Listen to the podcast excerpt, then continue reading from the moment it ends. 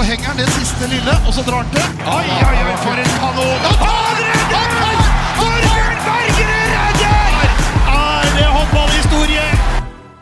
Ja, og for de som trodde at kommentatorbua har tatt sommerferie, tar helt feil. Jeg sitter her sammen med tre nøttebrune karer i sin beste alder. Vi er tilbake eh, hos moderne media, vi er ferdig med hjemmekontor.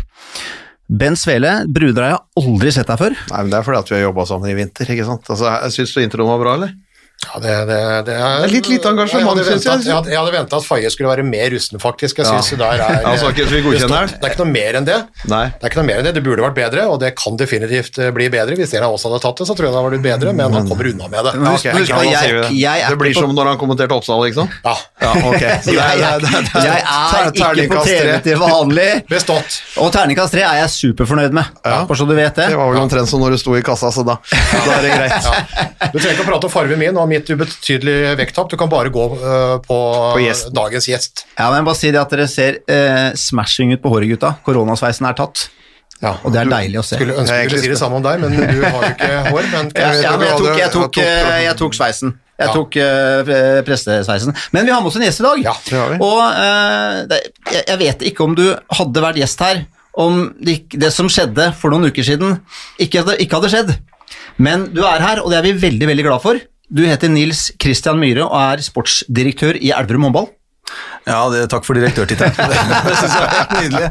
Det, vi er litt mer nedpå der jeg kommer fra, men, men ok. Takk Jeg, skal jeg fikk streng beskjed av Bent å si Ja, 'kall ham en sportsdirektør'. Ja, men Bent prøver å legge på en direktørtittel. Det er vel leder i sportslig utvalg, egentlig. Ja, vi, vi pleier å si det, vi da. Vi gjør det. Vi, gjør vi det. som er litt nedpå, men Men, vi eh, er det. Men de som er født opp i en tunnel i Holmestrand og skal briske seg litt, det er det. Men direktørtittelen, det kler deg jo. Ja, takk skal du ha. Og etter at du skal få Abalå, så synes jeg faktisk at du bør. Direktør Sportif kalte Abalå han. Ja. Det er på en måte uh, Ja, det er stas. Ja, det er Ja, og da er, det, da er det på en måte da er det en sannhet. Det skal vi selvfølgelig snakke masse om etterpå. Og uh, vi har også, I tillegg til det så skal Harald dra oss gjennom da uh, mye snacks med landslaget. Det har skjedd mye der, Harald. Ja, blant annet er det bare å gratulere Tore Hergeirsson med forlenga kontrakt. Det er jo veldig lite, veldig lite overraskende, da. Eh, Det har jo ligget i korta nå i godt over et år, eh, men nå er eh, kontrakten undertegna. Fire nye år fram til eh, 2024. Så da blir han sittende omtrent like lenge som Marit Breivik, eh, hvis han ikke går på ei mine de neste fire åra. Så da har vi altså i løpet av 40 år, da, så har Norges håndballjenter hatt tre trenere. Sven Tore Jacobsen i rundt 10 år, og så Marit i rundt 15, og så kommer Tore til å sitte i rundt 15. Det er jo helt eh, er spesielt. Ja, Det er herlig, og vi skal, vi skal høre litt om det etterpå. også. Men aller først så har jeg lyst til å nevne én ting, Harald. Som du var, i, he- du var helt i harnisk. Fordi eh, Bent borte på Hamar han har jo overvært en russefeiring. Ja. Eh, Så Harald, her må du, netto, du må dra oss gjennom dine tanker om at øh, Bent har vært ute og rulla. jeg, jeg, jeg, jeg merker jeg blir kvalm bare, bare du sier det. Altså, det er altså, så, altså foreldre Altså, jeg er jo ikke noe spesielt Altså, jeg er glad i russen, men jeg er jo ikke glad i den rullinga. Jeg hadde jo sjøl en sønn som drev og Han rulla jo bort eh, et vitnemål på videregående skole for noen år siden her. Eh, For hver natt han rulla, så rulla han jo liksom fra 6, 5, 4, 3 ikke sant? Det gikk jo, gikk jo den veien. Jeg syns det brukes forferdelig mye penger eh, på, på veldig lite moro. Jeg, jeg er glad i russen, syns de skal ha en russefeiring. Men de bussgreiene og investeringene der syns jeg ikke all verdens om. Men så lenge det er russen sjøl som sitter i bussen, så er det greit. Men når foreldrene begynner å rulle, så blir det altså ikke til å holde ut! Og når da min beste venn, eller tidligere, nå en av mine beste venn, for han ramler jo nedover på den lista, han også nå, akkurat som karakteren til sønnen eh, gjorde sin tid, sitter der og prøver å være Det er så patetisk! Det er, så, er det bare jeg som mener det? Nei, altså Jeg fikk jo en snap av eh, Bent, hvor han eh, jeg, jeg husker ikke om du gjorde noe, Bent, men det var mye sånn der whoop whoop i taket og Jeg gjorde ingen verdens ting. Du filma? Ja. Mia tok et bilde av meg og henne, og så sa Faye må også få det. Ja, det, var, Og, ja, det var og, det, og det skjønner jeg, Hvorfor skal Faye få det? tenkte jeg, men Det er greit nok, sånn er det. Ja, det er jeg støtta min datter. Jeg ble med på en foreldrerulling. Fordi at det var et ønske fra henne, og som da også de andre russejentene hadde med sine foreldre, så deltok jeg på det. Hvor, hvor lenge var du ute? Var det Nei, det var, jeg satt i den bussen fra ti til øh, halv ett, tenker jeg. Vi kjørte den, den der er en bybuss, og den gikk ikke så fort, så vi kjørte fra Hamar, plukka opp noen underveis, var på Elverum, pissa i hekken øh, på en eller annen bensinstasjon der, politiet kom og sa nå var dere heldige. Og så flytta vi oss til øh, der hvor Myhre sikkert skal øvelseskjøre med guttungen, ute på plantasjen der. Sto vi der, da kom det en annen buss. Fikk du? Elverums uh, Fikk du en knute? Harald. Mine knuter fikk jeg når jeg var kremen under blått i 81, og det er eh, altså Men, men er, det slik, er det slik at du kan bare spørre deg om å være med på alt, så bare er du med? Nei, Eller er det spesielt at du stiller opp for dattera Jeg stilte opp for dattera mi på Jeg hadde jo aldri rulla med noen andre. Det hadde jeg ikke. Nå er jeg faktisk i tvil!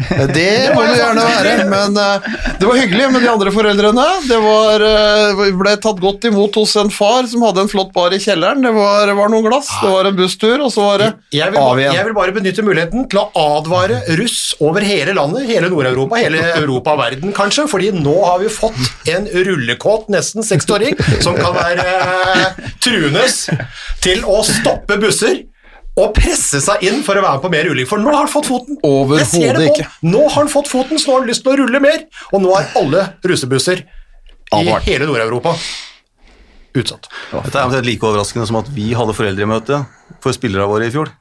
Det var òg veldig spesielt mottatt av Ja, enkelte ja, av spillere. for å si det sånn. De måtte hente foreldrene sine opp til Elverum for å få, få informasjon. Ja. Elverum håndball elite, Ja, vi hadde det, og det var en fantastisk seanse, altså. Det var, eh, det Der kan var- du se altså, En grunn til å få skjenka seg der også på Elverum. ikke sant? Kaller opp en haug med foreldre, middag på bordet, vin i glassa, og så er det partyby. Kan tenke deg Morten Negård når han skulle, skulle si, si, si til faren sin at han skulle møte på foreldremøte. i det var veldig spesiell setting, for å si det sånn.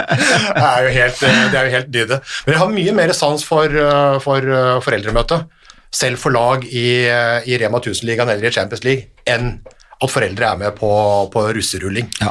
Jeg foreslår, altså, enten, enten så må du bære inn en bøtte, slik at jeg kan få gjort fra meg nå, eller så går vi bare videre på Nei, vi, vi går videre. nå Og det, gjorde vel du i grønt fra deg på sosiale medier utover fredagskvelden, sånn at, så vi, er, vi legger den der nå.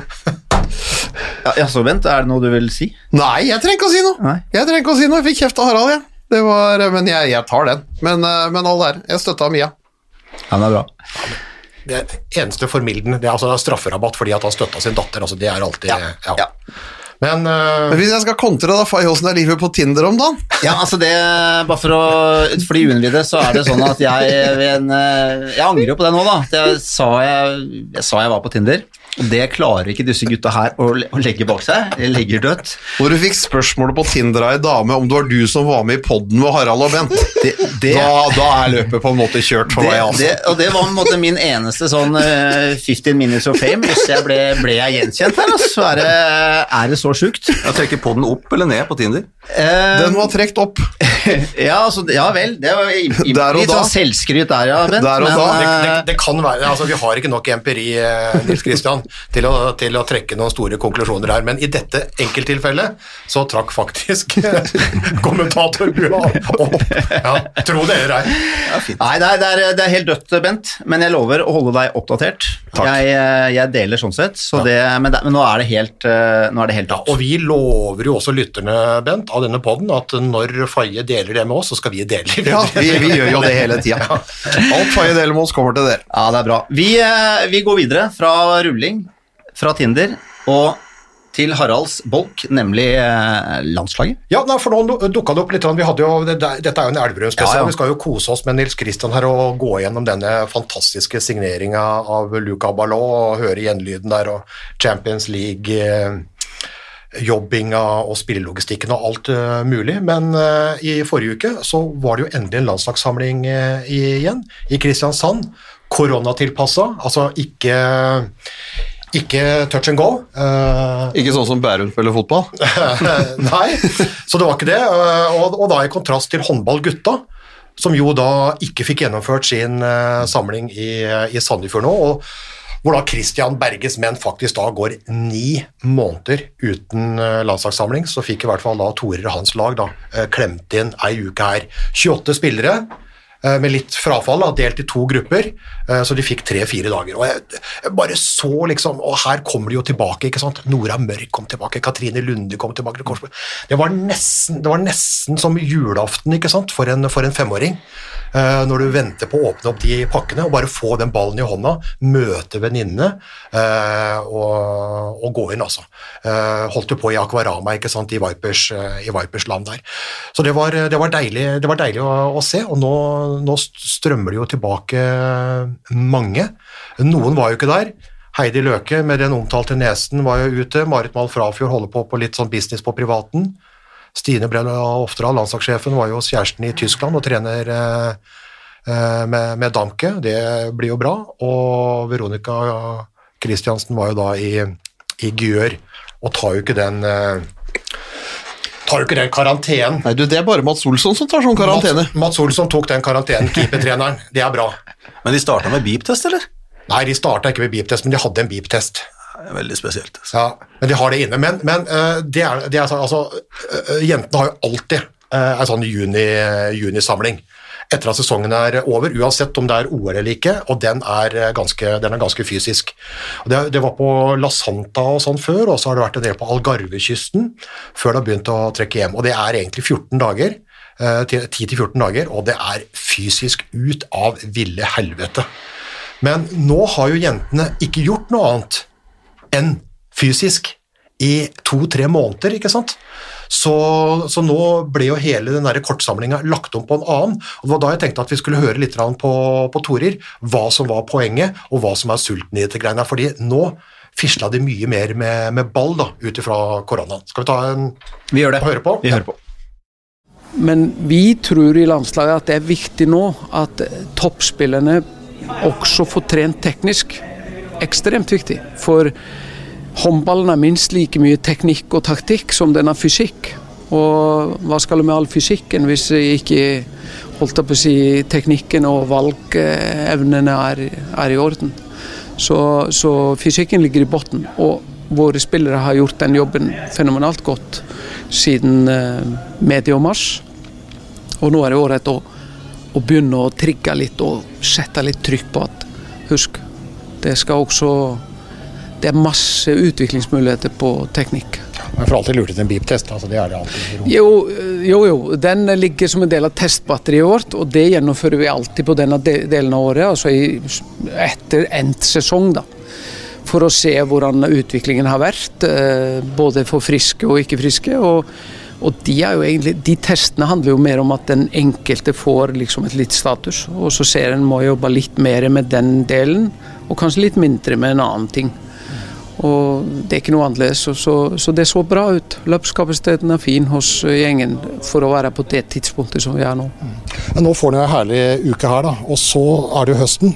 Eh, nasjonal serier, ja kanskje, men landslaget så er det jo Blir det noe Danmark? Blir det noe Intersportcup? Ja. Blir det noe EM? Ja.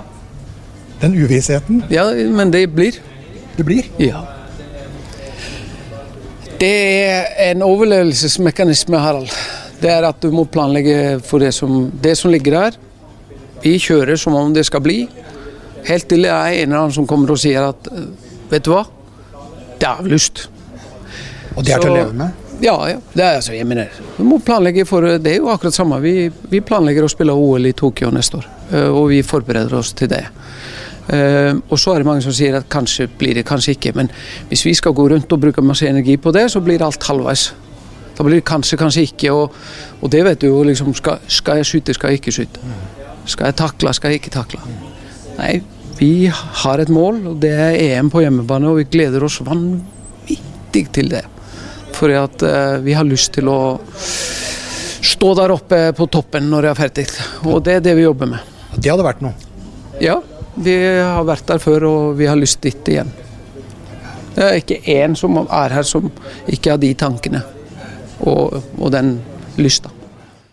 Lyst er der, det trenger du ikke å tenke på. Eh, det er jo tilbake til EM i 2016 sist de sto på toppen. Så var det sølv, og så er det to mesterskap ut av pallen.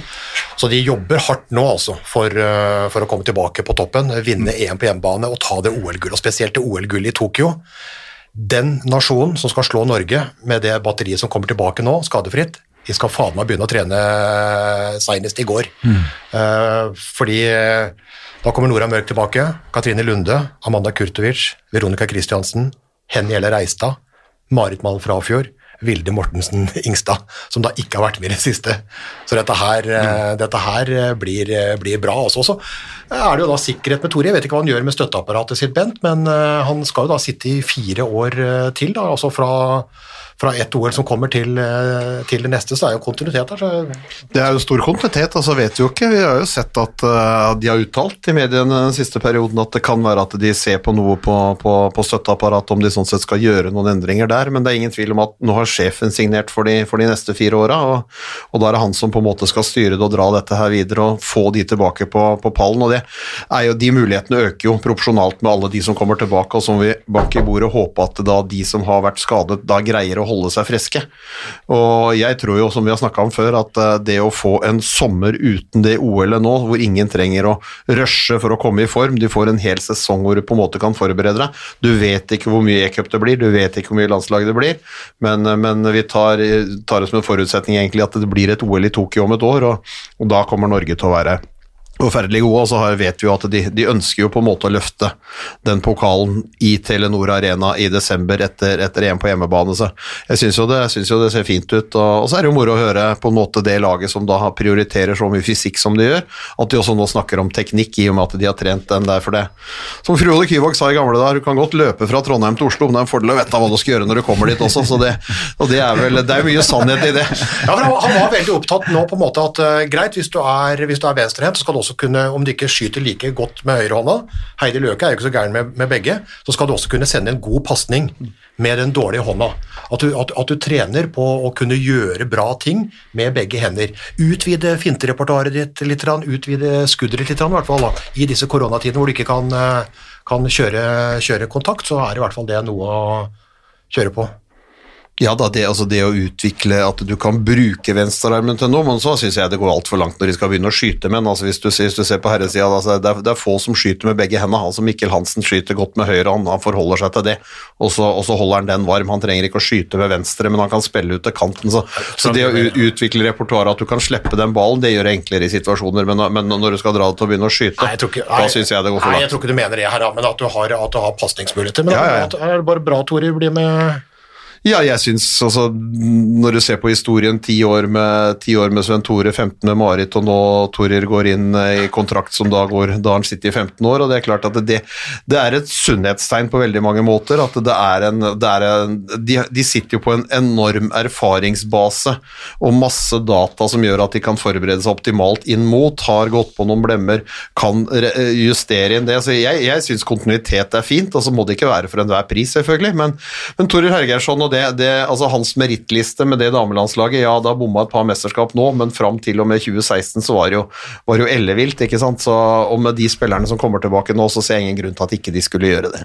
Men burde den egentlig eh, trent Elverum? Tenker at sportsdirektør mm. Nils Kristian Myhre sitter her, egentlig. Burde, altså, hadde, Nå hører eksperten uttale seg først, da, før jeg sier noe. han har jo vært der. Han, han har jo vært der før! Han har jo vært der før, vært der altså. Ja, fem sesonger. Så, så, Ja. Fram til 94. Men sånn, men sånn, øh, sånn øh, fra, fra spøk til spill, er det altså er det i seg at nå, nå tar jo Mikael Appelgren hadde jo bra suksess. Børge Lund kommer tilbake øh, Eller kommer inn da og overtar den jobben. Men var liksom Torir i Ja, Torir var i Vi diskuterte jo det eh, når vi så på kandidater eh, etter, etter Apelgren, så var jo Torir et av de navnene vi, vi snakka om. Har jo en fantastisk eh, standing i Elverum. eh, Er veldig glad i Elverum. Eh, Var der som sagt i fem år og profesjonaliserte på mange måter klubben. Han satte ting i system og sa at nå får dere trene hvis dere skal være med. Og de følte at mange slutta, men han hanka det sammen igjen og, har jo mye av æren for, for at liksom, det ble en starten på en profesjonalisering.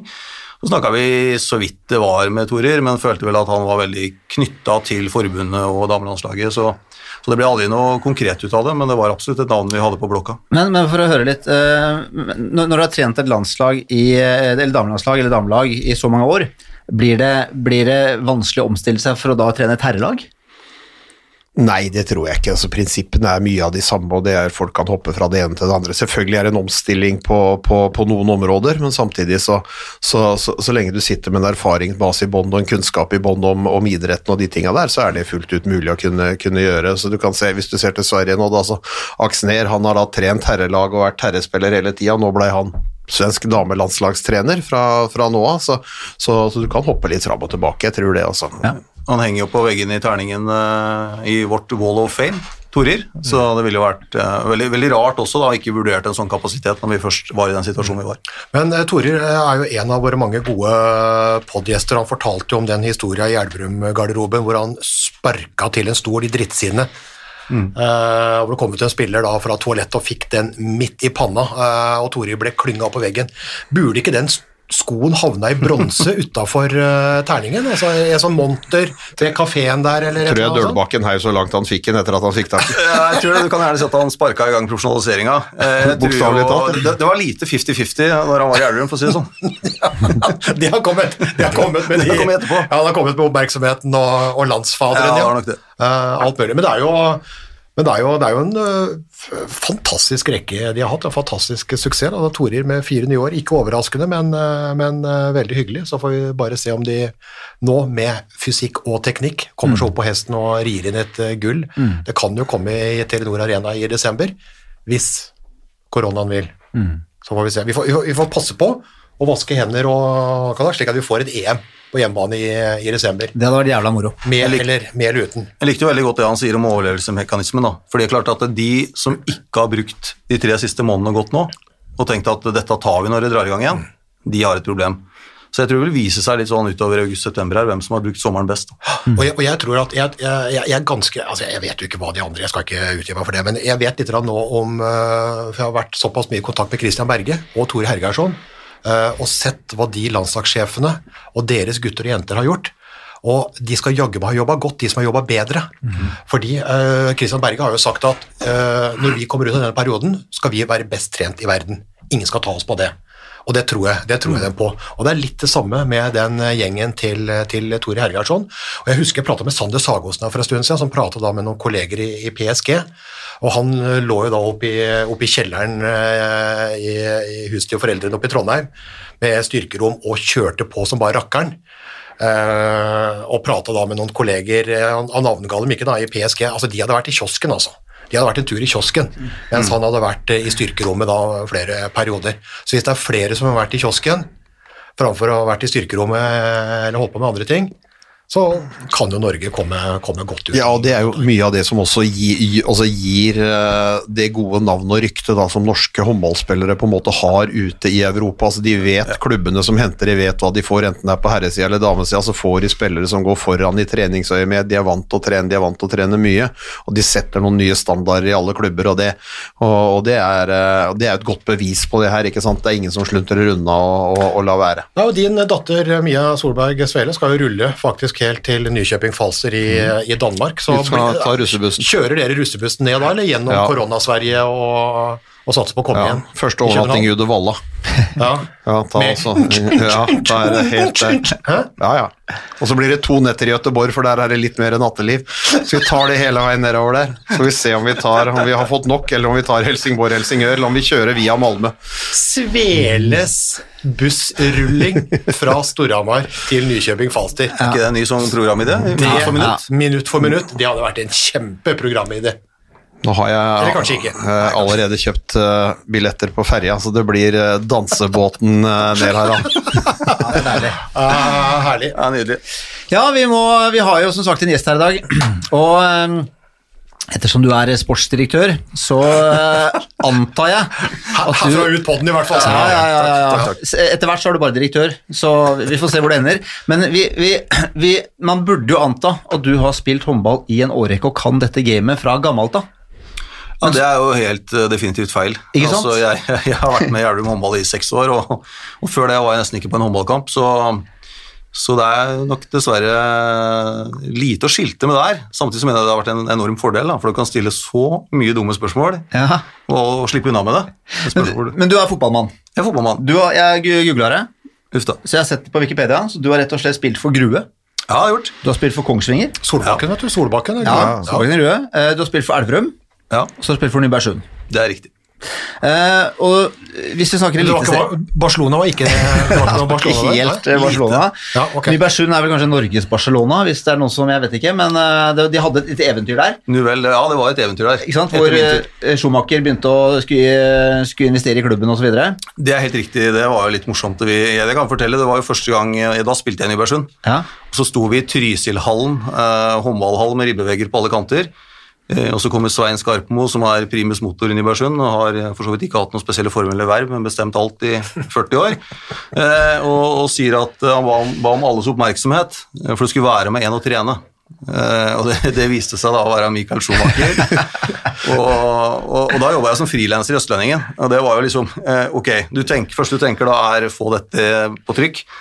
Men da trente vi med han i tre måneder eh, uten, å, uten at det kom ut, faktisk. Det var ganske imponerende. Og vi, eh, men det var utrolig morsomt, da. De to, tre, fire sesongene han var der og trente ganske mye med klubben. Ja, var han ålreit? Ja, jeg vil si at nivåmessig så holdt han en, eh, et annendivisjonsnivå, tenker jeg. Eh, fantastisk fysikk, selvfølgelig. Eh, og ordentlig nedpå. Ja. Så det var, eh, men det går jo mye historier. og De gutta, Vi trente jo på den tida litt i Etnahallen i Elverum, og de gutta som fikk være med han fra Trysil, han skulle selvfølgelig kjøre, eh, de, de har jo opplevd eh, ting i livet sitt som noen av oss andre aldri fikk oppleve. Eh, og rundt 30 minutter Trysil-Elverum på, på såpeglatt føre med en såkalt norsk eh, agent i framsetet som, eh, som, som prøvde å påpeke at farten var vel høy. Og Schumacher sa at dette er som å kjøre Formel 1 i regnvær. Hvorpå da Ola Tørråsen eh, uttrykker at å, det er noe elg og ha da. Men det er klart, de gutta som satt i baksetet der, var jo De har hatt mye moro med det senere òg. Ja, for det er jo det, det, det, det, altså selv ikke, selv ikke ned i Gulfen kommer det jo en kamel inn på Formel 1-ballen. Gjør ikke det? Dyrnberging, Silverstone, altså det er jo Monza, altså det er jo ikke noe Her kommer ikke elg. Kommer ikke elg, og det var jo klart, det var jo en fantastisk morsomt, og han ble jo glad i Nybergsund. Han nevnte det jo også på pressekonferanser i forbindelse med Formel 1-sirkus, og han var nok ikke inne med så mye penger, da. Det er liksom litt sånn historier om det, men han var vel med og finansierte kanskje litt kunstgress inn i hallen der, så han kunne få trene sjøl. Men, eh, men uansett et, et eventyr, eh, selvfølgelig, for en klubb som, som har hatt mange Det har skjedd mye rart i Nybergsund, for å si det sånn. Det er egentlig en egen, egen pod. Egen pod. Men du klarte altså som pressemann da, å holde tett eh, med Michael Schumacher, da trenende inn i en hall i Nybergsund i over tre måneder, men du, du var litt raskere på labben når det var klart at eh, Luca Ballot, da, høyrekanten Ja. til PSG og Frankrike, skulle spille for eh, Elverum håndball. Ja, da, da går det jo mer inn i en fase hvor du tenker hvordan skal vi få maks ut av det her? Hvordan skal vi liksom få dette ut til alle på en mest mulig ja, Som skaper mest mulig tjohei, egentlig. Altså, det handler jo liksom om å skape mest mulig blest, det er jo det vi driver med, det er det vi lever av. Og liksom med fotballbakgrunn så vil jeg jo si at eh, jeg har fått eh, spørsmål om hvor mange pressefolk kommer hvis vi henter han eller han eller han. Og svaret har jo sørgelig nok fra min side vært stort sett ja, kanskje østlendingen kommer. For det er jo ikke sånn at dette tar av, men eh, med Luca Ballot er vi vel det nærmeste vi kanskje kan klare å komme. Stor oppmerksomhet, da. Og det har vært helt strålende å, å følge med på. Ja, ja hvor, hvor, stor, hvor stor har han vært? Altså, så, Nei, så Oppmerksomhetsmessig så, så slapp vi jo til oss dere, da. Det var jo på en måte det har ja, det- det i seg selv er jo det TV2, største. Ja, TV 2 tente der, ja. For jeg har innsett det at eh, er det Altså, hadde det vært Brighton Brighton mot Aston Villa, så hadde vi vært sjanseløse. Så, det har vi jo innsett for lenge siden. Jeg har tipsa i to år, og endelig liksom, jeg sa til Bent at eh, kommer ikke denne på, da, da begynner det å bli vanskelig. Så, så det er nå en side av saken, men, men det har jo vært mye større oppmerksomhet i utlandet eh, enn det har vært i Norge. At Abalo gikk til en liten klubb Ja. i stedet for å avslutte i en storklubb? Altså når. Sven, ja, det er veldig helt riktig. Og Mm. når svenske Aftonbladet skriver at eh, overgangen som sjokker håndballverden og det, er liksom, det, er jo, det er utrolig morsomt for oss å se, da. Vi er jo ikke vant til dette her. Det er jo ikke, det er, altså, det er jo ikke ett håndballnettsted Uh, som, som ikke har registrert dette her med, med stor forundring. Men har det nådd litt opp på sånn avisnivå, eller? Sånne sportsaviser, sånn, sånn som i Frankrike, da med Ballot, altså Le Kipp eksempel. Ja, Le Kipp har hatt uh, Parisien har jo hatt det. Så, så alle de store mediene har skrevet Men hvor, betydelig om hvor, kje- hvor kjent er Abalot i Frankrike? Det tror jeg Er er du interessert i sport, så vet du hvem Abalo er i Frankrike, og jeg tror det også strekker seg langt bredere enn det, egentlig. Husk på det er en mann, spiller som har vunnet to OL-gull, tre VM-gull, to-tre EM-gull, vunnet Champions League. Eh, Så han har jo liksom Ja, vært altså, et symbol det, på ja, fransk altså, landslag. Jo spektakulær, ikke sant? Altså, han er jo spektakulær, og det er jo en altså, Du har tilnavnet Skywalker, og det, er, altså, det, det, det har vært spektakulært, det som har vært rundt. Han har spilt 15 år på, på det landslaget, så det er klart at eh, det er, det er mange som har fått med seg han på, på det da, altså, altså på Les Experts, som de da kaller seg, det franske landslaget. Det har ikke vært så mye av det kanskje i det siste, men, eh, men, eh, men, men selvfølgelig så er det, er det en overgang, og det er klart at eh, han fiska litt eh, 14 dager eh, tidligere, Nils Christian. Han sa hvis, eh, hva er greia hvis vi henter en verdensstjerne, hva, altså, så, ja, hva tenker du på da, liksom? Lukas Indric, altså den, den biten der, så er det klart du, får, du får jo oppmerksomhet på det. Og så ringte han og så sa han, nå tror jeg vi har noe, liksom. Kommer vi fram med Ja, hvem da, liksom? Er det, er det Abalå? Så tenkte jeg ikke faen. nå driver du med meg, liksom. Men uh, han, ja, Tore Hergeirsson eh, forlenger. Eh, greit, ikke noe overraskelse. Hyggelig, men ikke noe overraskelse. Ja. Luc Ballot, PSG Elverum, så ikke den komme. Nei, gjorde ikke det. Eh, så ærlig var jeg jo også med det, men, men det er klart at når det skjer, så er jo, så er jo, det, så er jo det fantastisk. Altså, det er fantastisk for, for Elverum som klubb. Det er en anerkjennelse av det de har drevet med, og det de har gjort eh, de siste, siste fem-seks åra. Og så blir det jo en attraksjon for den norske ligaen å få en, få en sånn spiller til, til Norge, det er jo ingen tvil om det. Og så tror jeg at Elverum på lang sikt, da, også når Abalo på en måte har Vi snakker jo alltid om at skal du spille finale som har vunnet noen semifinaler, eller skal du vinne et mesterskap så må du gjennom noen ting. Nå har de greid på en måte å brekke den, eh, altså den icebreakeren på, på det at eh, du kanskje vil ha lettere tilgang også til andre store navn, som da kanskje blir 2-3-34 år og ønsker et, ønsker et eventyr i utlandet, liksom. Så, så, så, vil, så vil også Elverum på en måte være i tankegangen til både agenter og til, til, til, til spilleren sjøl, at det ikke vil være en sånn type greie. Fordi får vi håpe, da, så er det klart Jeg er jo spent på Ballot 28. januar, det er 36 blå i Elverum, og det ligger 2,5 meter snø. Og du skal løpe ute. Og du skal gå i, og du skal gå i bussen for å kjøre til Remmenhall for å spille mot Halden. Eh, Så, ja, men, så, men, men, men, det er jo, det er jo altså, Du kan ikke bruke noe annet ord enn eventyr. ja, det, det, det er slått ned en, det er slått ned en gjerdestolpe, da, eller kanskje en portstolpe, uh, som, uh, som er en markering. Ja, eh, det har jo det, og vi, det begynte jo liksom at det kom en forespørsel, og vi, vi trodde jo ikke helt eh, Eller vi, vi smilte jo litt av det. Samtidig så har vi liksom lært oss at eh, altså Hvis ikke vi hadde hatt tru på de seks siste åra at alt er mulig, så hadde vi ikke vært eh, i Champions League. Vi hadde ikke vært nære å gå videre. Vi hadde ikke vært i Håkonshall. Så liksom det er noe med å en fantastisk entusiasme i og rundt klubben for å prøve å, å liksom flytte grenser hele tida. Fordi at eh, Noen vil jo si at vi kunne gitt oss etter PSG-kampen. Det, det er det det er maksimale mulig å oppnå i Norge. og Det kan godt hende det er riktig, men, men dette er i hvert fall med å flytte drømmen. da, Det å håpe på at man skal gjøre enda større ting. da. Men, men vi, vi, vi prata litt om det men jeg, jeg syns det er så fascinerende. Ta oss gjennom, da. Litt fra den mailen ramler inn i boksen, og til at Luca Ballot sier at 'nå er jeg klar'.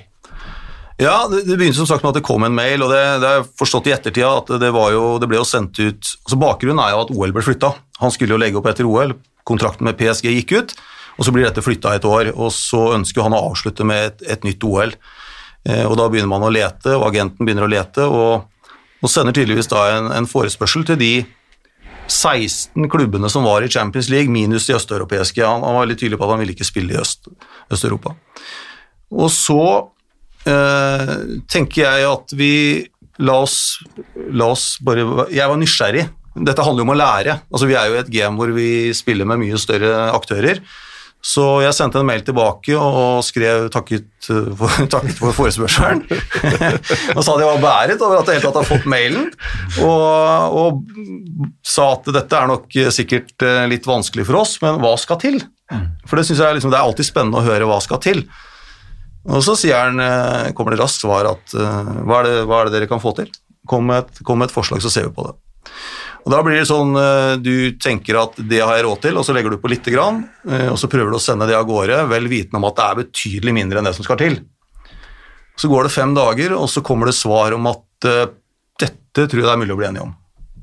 Og da, liksom, da, begynner, da blir du litt Du får litt vondt i magen. Litt harde hjerte. Litt hardhjerte, litt vondt i magen, og tenker at eh, Er det mulig, liksom? Kan, det, kan dette skje? Eh, har vi råd? Eh, og så på en måte begynner jo vi å jobbe med om, om vi klarer å realisere det. For da ligger plutselig ballen på vår banehalvdel. Så sier jeg at jeg trenger fire-fem dager. Og så etter tre dager så kommer han tilbake og sier ja, skjer det noe? Er det, er det ikke aktuelt lenger? og når Abalo begynner å bli ivrig på å komme til Elverum, altså, da, har verden snudd ganske, da, da det snudd ganske mye. Og så starta liksom dette, vi må jo forsikre oss, dette er jo en stor investering eh, for oss, og vi, vi tok en runde med Børge kjenner jo Sagosen godt, eh, så vi liksom tok kontakt med han og spurte liksom, kan dette være mulig, skal du snakke litt med Abalå? Vi fikk litt referanser på hvordan er treningshverdagen, er han på trening, er han mye skada, fysikk, alle disse tinga da. Og Sander sin eh, oppsummering var egentlig veldig positiv, selvfølgelig. Det skulle bare mangle, men det sto til slutt eh, sjekke ut om han tror Elverum ligger i Oslo. Men det er klart det er en gutt som har bodd i Madrid og Paris, så, så liksom vi, vi tok en avsjekk på det, da. Eh, og så gikk det seg egentlig til, og vi sendte over et forslag, og halv to på natta så tikka det inn en mail, og der kom det et bilde av signaturen eh, til Abalå. Eh, og så kom det en tekstmelding fra Abalå om at han var, var glad for å ha skrevet under for Elverum, og det liksom når du, du blir jo litt Du blir kjempestolt, egentlig. Det, det må være lov å si. Altså, Sovna ikke med en gang da. Jeg sovna ikke med en gang. Altså. tenker når- den kommer inn på natta, så lurer du på om du har dubba av og drømt. da, Gjør du ikke det? Jo, det gjør litt det. Eh, For du tror på en måte at Vi har jo vært med på det spillet her mange ganger, og det er mange spillere som har vært nære Elverum. Vi hadde i sommer playmakeren til, eh, til Serbia, eh, Kukic, som, som vi var muntlig enige med. Det stranda liksom for at eh, fruen hans ville til varmere strøk, jf. 26 blå. Men, eh, men, eh, så du liksom ikke, du tør liksom ikke innkassere det før det er i mål, men men det var Du blir litt stolt på det, det klubben har klart å få til da, de seks siste årene. For det er klart at man har, man har skapt en eller annen greie her som er blitt lagt merke til, i sum. Og det, det er det fellesskapet som jeg syns vi kanskje har vært best på i Elverum. Hvis vi skal trekke fram én ting, er liksom at hele byen står samla. Du har liksom, du har supporterne, det er alle Det har ikke vært en Champions League-kamp uten at det har vært folk fra Taigan der. Du har liksom eh, de frivillige som reiser til Håkonshall, og, og supervisoren i EOF konkluderer med at dette er mesterskapsklasse med høyeste score. Eh, og det er også disse tinga som kan hjelpe oss eh, kanskje inn i nye europaeventyr. Ja, Det er jo ikke bare hyggelig, det er frivilliggjengen eh, i Terningen. da. Det er, det er kvalitet. Ja, ja, ja. Ja, det Kvantitet, kvalitet. kvalitet og, og, god, og god hygge, da. Men jeg tenker liksom ja, Ja, du, du, du sa fra at, du sa fra til Abalo at uh, hver kamp i Rema 1000-ligaen er er ikke Håkonshall, ikke sant? Nei, det, det, Det er at han vet jo. er- vet Samtidig så har jeg liksom konkludert med at PSG har vært mer suverene i franske ligaen uh, enn det Elverum har vært i den norske. Ja. Altså Det er flere kamper PSG vinner med, med mange, mange mål.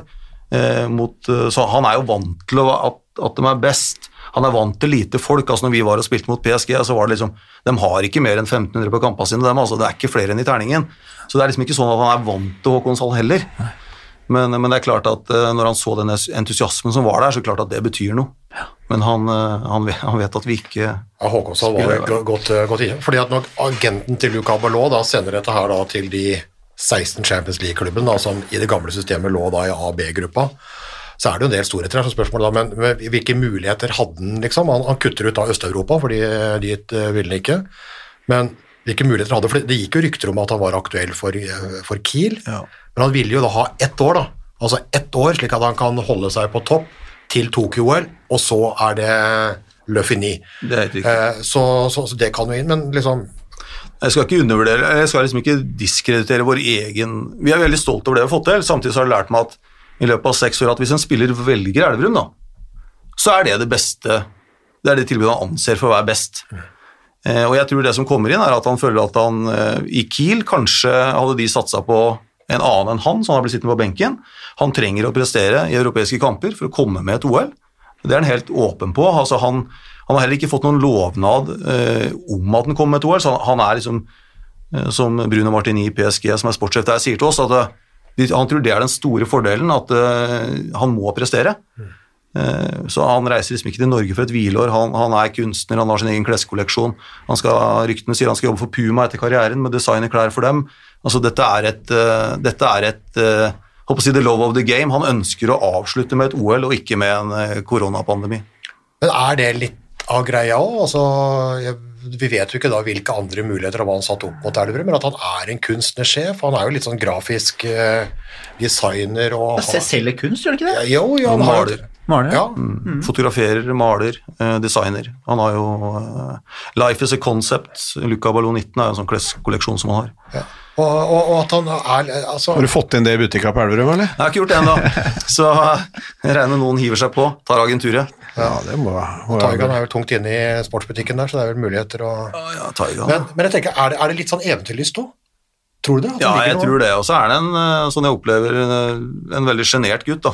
Eh, Så det blir ingen som kommer og roper høyt. Eh, Altså Forhandlingene har egentlig Han har vært opptatt av dere må passe på å snakke med fysisk trener i PSG, sånn at vi får en overlapping på sånne ting. Eh, han har liksom vært opptatt av helt sånne banale ting, og ikke, det har ikke liksom vært noen lønnsdiskusjon, egentlig, og det har vært veldig sånn befriende for oss. Det har ikke vært noe krav 'jeg skal det, jeg skal det', som du, som du har opplevd fra andre spillere. Her har det liksom handla om hvordan er det sportslige apparatet, hva har dere av fysio, fysisk trener? Altså, Det er de tingene han har vært opptatt av. For slik jeg leser det der, så er jo ikke dette her en spiller som skal hente ut én stor lønningspose det siste året. Han skal rett og slett være såpass i form at han kvalifiserer seg til den franske OL-troppen, og det er tøft nok, altså. Ja, det er- Fordi det har vært Port og andre som har eh, i perioder utkonkurrert Abalot litt på høyrekanten til Frankrike, eh, selv om de ikke har tatt eh, så gull. Så det at han da kan få masse spilletid på et rimelig høyt nivå for Europacup, Champions League eller ikke, det blir det jo Elverum uansett. Blir det uansett. Og, og da at han får god fysikk, da får vise seg fram at det faktisk da er viktigere enn en, en penger og det andre. Da. Ja, så tror jeg det blir Det er jo ny fransk landslagssjef. Og med de mesterskapene og den rekka med, med måte kamper som kommer nå, så skal det mye til til at han bytter mye. Eh, det å reise til flere mesterskap eh, det neste kalenderåret med helt mange nye spillere, det tror jeg neppe han gjør. Men det, vet ikke hva du mener om det, Bent. Nei, tror det, det, ville vel være naturlig på en måte at han, at han holder i mye, mye av det som har vært. Og så er jo OL veldig ofte da en sånn Det er en siste dans med gjengen egentlig for mange. Det er klart det er jo flere som har vært med lenge der enn Karabatic og, og andre, så, så det er klart at uh, hadde det vært OL nå i sommer, så kunne det jo kanskje vært landslagsfarvel for, for flere. Men, uh, men i og med at det kommer, kommer eh, neste sommer, så, så tror jeg nok at uh, de kommer nok til å holde på, på mye, mye, mye av det av det de har hatt med og det de har, det de har gjort, og det er jo sånn sett en kalkulert greie helt sikkert fra Ballot. Han, har en, han har en drøm om å avslutte med et OL, Ja. og, og så har han da gjort de vurderingene han gjør, og så, så er han opptatt av, og det er jo hyggelig å høre når sånne, sånne spillere kommer, at han er opptatt av, av trening og et sportslig apparat og fysiske trenere og de tinga, sånn at han kan være så, så fit som mulig når, når han skal kvalifisere seg. Og så, og så har jeg tro på det at han, han får et mye enklere kampprogram i utgangspunktet, kanskje enn mange, mange av de andre, og flere av de han skal konkurrere med om plassen på på lag der. Han trenger ikke å spille 60 minutter i alle kamper i, i seriekampene i Norge, ikke sant? Men, men, men at han på en måte da får porsjonert ut kreftene gjennom året og kan være ganske frisk inn mot oppkjøring mot et OL, eh, vil jo også være, tror jeg vil være viktig for han. Det er en mann da som har tatt åtte mesterskapsgull. Altså han har den siste trippelen, for det var som du sa, Nils Kristian, han har tre EM-gull, tre VM-gull, så har han to OL-gull. Så han kan få da en trippel på alle de der, da, pluss at han har vunnet Champions League da, tilbake til den der Ciudad Real-perioden, altså helt i starten på karrieren hans, eh, hans, eh, hans der. Så det eneste som er synd for Abalot, er at han da, til tross for opptrening i Elverum, ikke får det UL-gullet, for det tar Norge. Det er riktig. Det er ja, litt kjipt. det er det ikke vi lei oss for. Nei, men det er litt kjipt for Abalot, da. Hvis Ja, du kan tenke vi litt leve stort på det. Men, ja, det, det kan vi leve med. Men, men bare, det, bare tenk hvilken gulrot dette er for Rema 1000-ligaen. Én ting er jo dere spillere som syns det er dødsfett å spille sammen med en av verdens største stjerner, men alle de skal spille mot. Ja. Så du får besøk, som du nevnte, Remmenhallen, eh, alle, alle litt mindre klubbene som får faktisk Luc Abalot på besøk. Det er jo jævla kult. Ja, for jeg har jo sagt, ikke sant, Da det her var klart, både Nils Kristian og Bent var jo helt eh, tydelige på at liksom, eh, uten sammenligning for øvrig var tidenes signering i, eh, i norsk klubbhåndball. Uh, og uh, Perse, ja, det, vi har hatt en del store som har kommet tilbake, f.eks. Altså, Glenn Solberg og Frode Hagen kom tilbake til Drammen og alt det greiene her, men, men maken til dette her Jeg tror kun det er én ting jeg, som kan sammenlignes, og det var da Anja Andersen kom fra OL i Atlanta i 96 til Frode Kyvåg og Bekkelaget sammen med Camilla Andersen. Det er det eneste som kan måle seg, men den gangen så var jo også den norske ligaen på kvinnesida liksom på en måte den ligaen å spille i. Alle stjernene spilte jo de, de spilte jo da i Bekkelag eller Larvik eller i Byås eller i Tertnes, ikke sant. Det var jo, det var jo, det var jo sånn, eh, sånn det var. det var. Eller på Toten, til og med. Ja, ja. Så, så, så det var jo Det var jo der det var. Junkeren! Junkeren, Bodø. Ja, så, så det, var jo, det var jo rundt der, så dette her er jo liksom Bortsett, bortsett fra det, så dette her er en annen sammenligning. da. Altså En så stor uh, spiller, selv på tampen av karriera, går da til den norske ligaen, som da ligger litt nede, til en klubb som da har markert seg. Det er uh, eventyr, altså. Helt rått. Det er fantastisk. Men, det er jo, men, eventyr, men det er jo, eventyr, er jo ikke slutt. Eventyret er ikke slutt. Altså Dette her er vel også en sånn ledd i den derre For det har vi prata om i poden ganske mye, altså hva Elverum gjør for å bli blant de 16 i Champions League, når Champions League skal gå fra 28 til 16, og det nåløyet er så trangt at du må gni deg med så mye olje for å smette igjennom der. Så dette her er jo altså Håkonshall ganger to, PSG Flensborg er jo en del av det. Ja, det Det en gjør på sosiale medier, det en gjør på arrangement og alt Ja, det, det, er jo, det er jo de tinga, ikke sant. Og det er jo sånn, sånn halvfleipete, da. Så, altså, de kvalifiserer på publikum. Det var vel nest mest publikum eh, i Champions League i fjor på Elverum, ikke sant. De er, ja. ja, de er de beste på sosiale medier og promotering og de tinga der. Så det eneste kravet de kanskje ikke er kvalifisert på, er jo det de egentlig skal drive med, det er sport. sånn at, sånn at det er jo det er, det er, det, det er jo greia. Det er, jo, det er jo det som på en måte er skjønner at du lever i kommersiell verden? ja, ja, men hadde du da vært eh, Jeg syns Elverum er gode, og de har gjort fantastisk sesong, og de har lært mye i den Champions League-sesongen som de spilte nå. Fra åpningskampen mot Aalborg, hvor de ikke så ut i det hele tatt, til, til sånn som de avslutta det hele. Så, og, og det er fantastisk, og den ballasten vil du kunne ta med deg, ikke sant. Så, men, men da hadde de vært et par snepp opp, da, et par små snepp opp, så hadde de vært garantert den plassen. Nå sitter vi og krysser fingrene og håper på en måte at for Norge sin del og for Elverum sin del at de, at de skal få den, og, og da en Abalå-signering kan jo være det grammet på vektskåla som på en måte tipper det dems vei. Når du sitter og vipper, hvem skal bli den 16. i klubben? Hvis du ligger der da blant 16, 17, 18, eh, kan Abalo bikke i Elverums eh, for, for nå er det jo tatt steg for steg, da. Ja, så tror jeg EF er veldig Altså, det som skjedde i Håkonshall, det var eh, med EF-folka til stede. Eh, vi hadde Geit Bucek i Forum Klubb Handball som var og så oss hjemme mot Selje når vi vant med 10-11 mål. Altså, de tinga der har vært viktige, og det tror jeg at vi ikke Vi tok riktignok bare tre poeng, men, men vi ble ikke, vi ble ikke utklassa, liksom. Det ble ikke for dumt. Ble Og det var det man var litt redd for når man liksom kom i den gruppa. Det var kjempemorsomt lenge. Men vi satt jo her og tenkte hva faen skjer nå? Ja, ja. Altså, Åssen går det her? Og, men det er ikke noe tvil om at eh, det er en, det er en veldig mye som ligger til grunn med valget av Ballot for å liksom prøve å tippe den vektskåla i vår favør. For det er klart, gjør vi det, så er jo den investeringen uh, peanuts, egentlig. Men hva er løpet nå? Den nærmeste tida, for det, vi er jo i junimåneder og skal avgjøres nå om Elverum blir blant de 16., eller om det da havner da i nummer to-cupen, altså den nye European League, som, eh, som det heter. Ja, nå er det jo, så vidt vi vet, ca. 20. juni så får vi beskjed om hvilke 16 lag som kommer. Eh, Det er jo ti lag som, som har fått klarsignal, og så er det seks wildcard, og det er det fascinerende med håndball, at det er jo ingen som vet hvem de seks blir, og hvilke kriterier som ligger til grunn, er også ganske ullent, for å si det sånn. Eh, Og der står man jo fritt, eh, men Men det er jo liste her, ikke sant? ja, Jeg kan jo bare kjapt lese opp. Det er Zagreb, Aalborg, Barca, PSG, Kiel, Flensburg, eh, Veszprem, Vardar, Kielce og Porto. det er riktig. Det er de ti lagene som er sikret en plass. Og det går på sport. Det, går på sport og rangering. sport og rangering av ligaene. Og så eh, kommer neste pulje, som er wildcard. Altså, ikke sant? Da er det da Meshkov Brest, Bucuresti, Kadetten, eh, Besiktas, Elverum, Selje og Motor Zaporozhye. Det er én pulje. Og så har du én pulje til som, hvor lagene er desidert bedre, eller har ikke bedre, og det er da Adamalion, eh, Wisla Plock, Nant, Pik Skjeged, Eurofarm Pelister, Makedonia, GHG og Sporting Lisboa. Eh, og da er jo spørsmål, er det noe rangering Altså det er to puljer, det er Elverum-pulja, og så er det den andre pulja. Er det noe rangering der, eller er det, velger de seks uh, Er det tre fra hver, eller hvordan funker det? Jeg er redd at uh, de har satt seg i en posisjon som gjør at de kan velge akkurat hva de vil. Ja. Eh, det er klart Den ene pulja der består av lag eller land som allerede har et lag i Champions League. Ja. Eh, Og den andre pulja er jo det som er igjen av C og D, egentlig, av de som har søkt, eh, søkt oppgradering. Ja. Så Det er et eh, trangt nåløye. Vi har eh, trua på at vi skal eh, Vi har jo trua. Vi, vi kan liksom ikke slippe den, for da, da kan vi legge ned alt. Så vi håper at, det, at, jeg håper at EOF har tru på at vi kan fortsette å utvikle oss sportslig.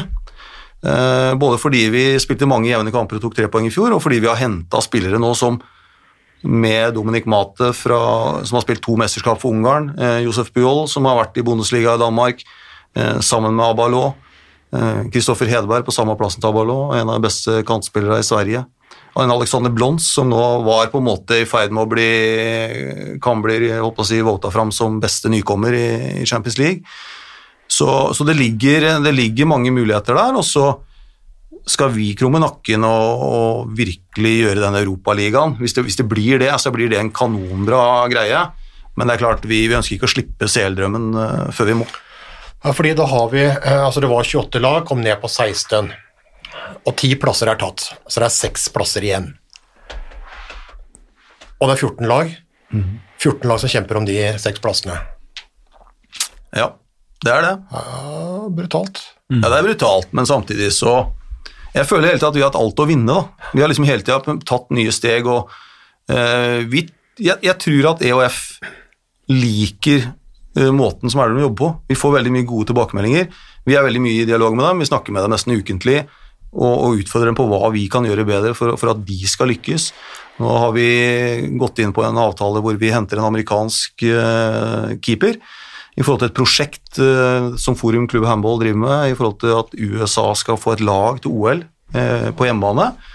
det er jo sånn som vi gjør fordi at vi, vi, vi tror det skaper goodwill i det gode selskap selvfølgelig. Elverum var med Elverum var gode i Goodwill Games nå, altså. Ja, Kunne ha vunnet Goodwill Games. Jeg tror vi er nødt til det, da, ja. vi, har ikke, vi, har ikke, den eh, kapitalen, kan du si, og vi har ikke den Norge har ikke den rankingen som er nødvendig, og, og vi prøver også å dytte fram det at det norske landslaget, med deres prestasjoner, selv om det betyr forsvinnende lite formelt sett, så er det klart at det er viktig at Norge, som kanskje er en av verdens beste håndballnasjoner, også har et lag i Champions League. Men dere må smøre, da. Altså, eller smøre på, altså ikke i form av bestikkelser og korrupsjon, altså vært i håndball før, men dere må smøre på liksom, med tiltak som gjør at du viser deg godside som skal bli attraktiv? Ja, det mener jeg er viktig, og det handler om at vi sammen skal utvikle det produktet her òg. Altså, EOF ser at dette er bra ambassadør for, for håndballen. Litt som med norske ligaen. Vi ønsker at alle de norske klubbene skal være så gode som mulig. Det er jo ikke noe morsomt hvis det, hvis det liksom er to-tre gode lag. og jeg tenker at eh, jeg synes nivået og Det er mange norske klubber som jobber veldig veldig bra nå, og det håper jeg fortsetter. Hvis den da havner inn i Champions League, da, halvannen til to uker, så er den faktisk inne i det gode selskapet. Ja, ja det så du pusta litt tungt på. Ja, fordi altså, da, er jo ikke, da er ikke jobben slutt. Da begynner jo den andre jobben. Da skal du jo begynne å, for da, da ligger det noe krav der. ikke sant? Altså, Du kan tjene ganske mye penger, det ligger noe krav der. Du må begynne å slå ut noen vegger i Terningen Arena, eller bygge altså, ja, altså i det lange løp så, så, må vi jo det. og Vi har jo sett på noen, eh, vi ser jo på noen planer fortløpende på, på hvordan vi skal tilfredsstille kravet som kommer på sikt. Og Så vil vi jo få dispensasjon i, i, i, neste sesong hvis vi skulle komme med. Og så er Det jo igjen, det er jo sånne små detaljer. Vi satt der på trekningen i fjor, og så ser vi liksom det er stor forskjell på å få PSG og Vardar. Mm. Fordi at for Vardar er noe alle som er helt håndballnerder har et forhold til, mm. men PSG har alle et forhold til. Mm. Og vi hadde ikke fylt Håkonshall med Vardar, selv om de kvalitativt er like gode. Så det er jo den kommersielle sida. Altså, skulle vi komme inn nå, så er det klart det å få Kiel med Sagosen igjen, vil jo være det som knekker et, eh, en, en ny, kanskje en ny Håkonshall-opplevelse, eh, i motsetning til en del andre klubber som, som ikke har den appellen. Der er som håndball mye mer sårbart enn f.eks. fotball. da. Ja, det er klart, og det er jo, det er jo viktig. altså Én ting er å komme inn, er det viktigste. og så skal du da, Hvis du da på en måte skal, skal oppnå en, en, en, voldsom drøm, så har du litt tur i, i, trekning også. Men nå begynner jo også, nå er det jo en ny TV-avtale rundt Champions League, og det ligger jo betraktelig mer penger i det også. Sånn at, eh, sånn at eh, det er jo ikke sånn at du lurer på om du skal være med. altså Nå, nå, nå, nå vil du jo gå godt i pluss på, på deltakelsen i Champions League også, fordi at EOF da deler ut mer penger til hvert eneste lag som er med, og det betyr jo at dere også får det, blir jo ikke som når Rosenborg spilte Champions League i fotball, men det blir jo at du, du, får, du får noen millioner som gjør at du får et enda større forsprang kanskje på dine norske konkurrenter også. Ja, Det kan du få, og så er det fortsatt forsvinnende lite. da. Vi, jeg har vel sagt at det er 300 000 per bortekamp, så sier du det blir sju kamper, da, så har du 2,1 millioner. Så er det 50 000 per poeng. Eh, så si at, si at 3 millioner eller 2,5 millioner er innenfor rekkevidde, da. Så minner jeg om at Sarpsborg 08 fikk vel 80 millioner for å være med i Europaligaen, så det er klart det er, Ja, fotball er jo en eh, det er en egen greie, men, men, men jeg tror at eh, Ja, det men er et steg i 2,5 millioner er jo budsjettet for flere klubber i Rema 1000-ligaen. Ja, Ja, men du slipper, ja, ja, men du slipper i hvert fall det som, det, det som har vært tilfellet eh, med en del eh, norske kolleger, både på herre- og kvinnesida, at de taper på Vampire være Ja, og vi ser, si- med, vi ser jo til og med i Danmark nå? At det, er, at det er klubber som trekker seg, flere klubber som trekker seg fordi at de ikke har råd til å spille Europacup. Ja, det er jeg enig i. Samtidig så vil jeg si at det har vært jobba for dårlig i norske klubber. Altså, det er veldig lett å si at eh, E-cup koster penger. Altså, vi hadde heller ikke tjent ei krone på E-cup hvis det ikke hadde vært lagt ned en vanvittig innsats fra hele byen. Eh, og det, det, er litt, det er mange som synes tar litt for lett for det, på det historisk sett har gjort det i hvert fall. Sagt at E-cup koster penger. Eh, byen må henge opp en plakat om at det er kamp til helga, og, og gjør litt ut av det.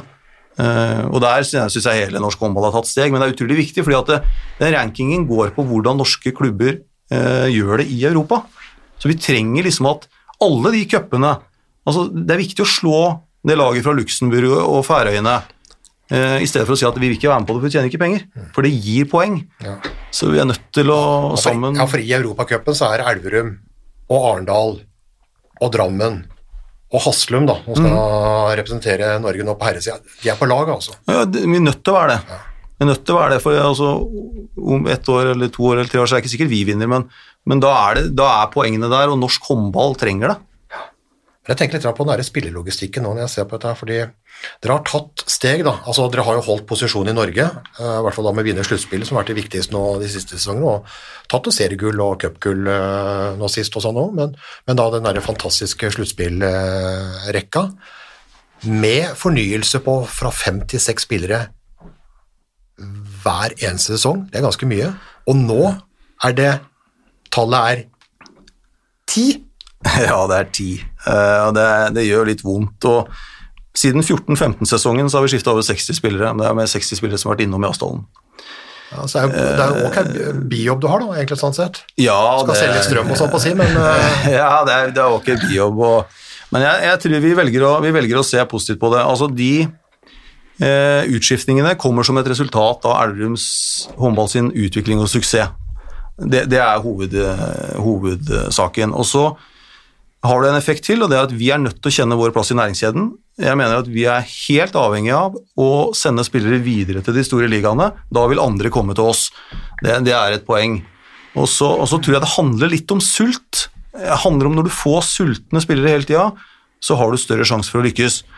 Og, og det ikke det, det er liksom en av de tinga som vi prøver å si til oss sjøl. Så, så lenge supporterne er med oss, så lenge dugnadsgjengen er med oss, så lenge støtteapparatet rundt klubben er med oss, så har vi kontinuitet. Og så får vi leve med at vi må skifte mange spillere.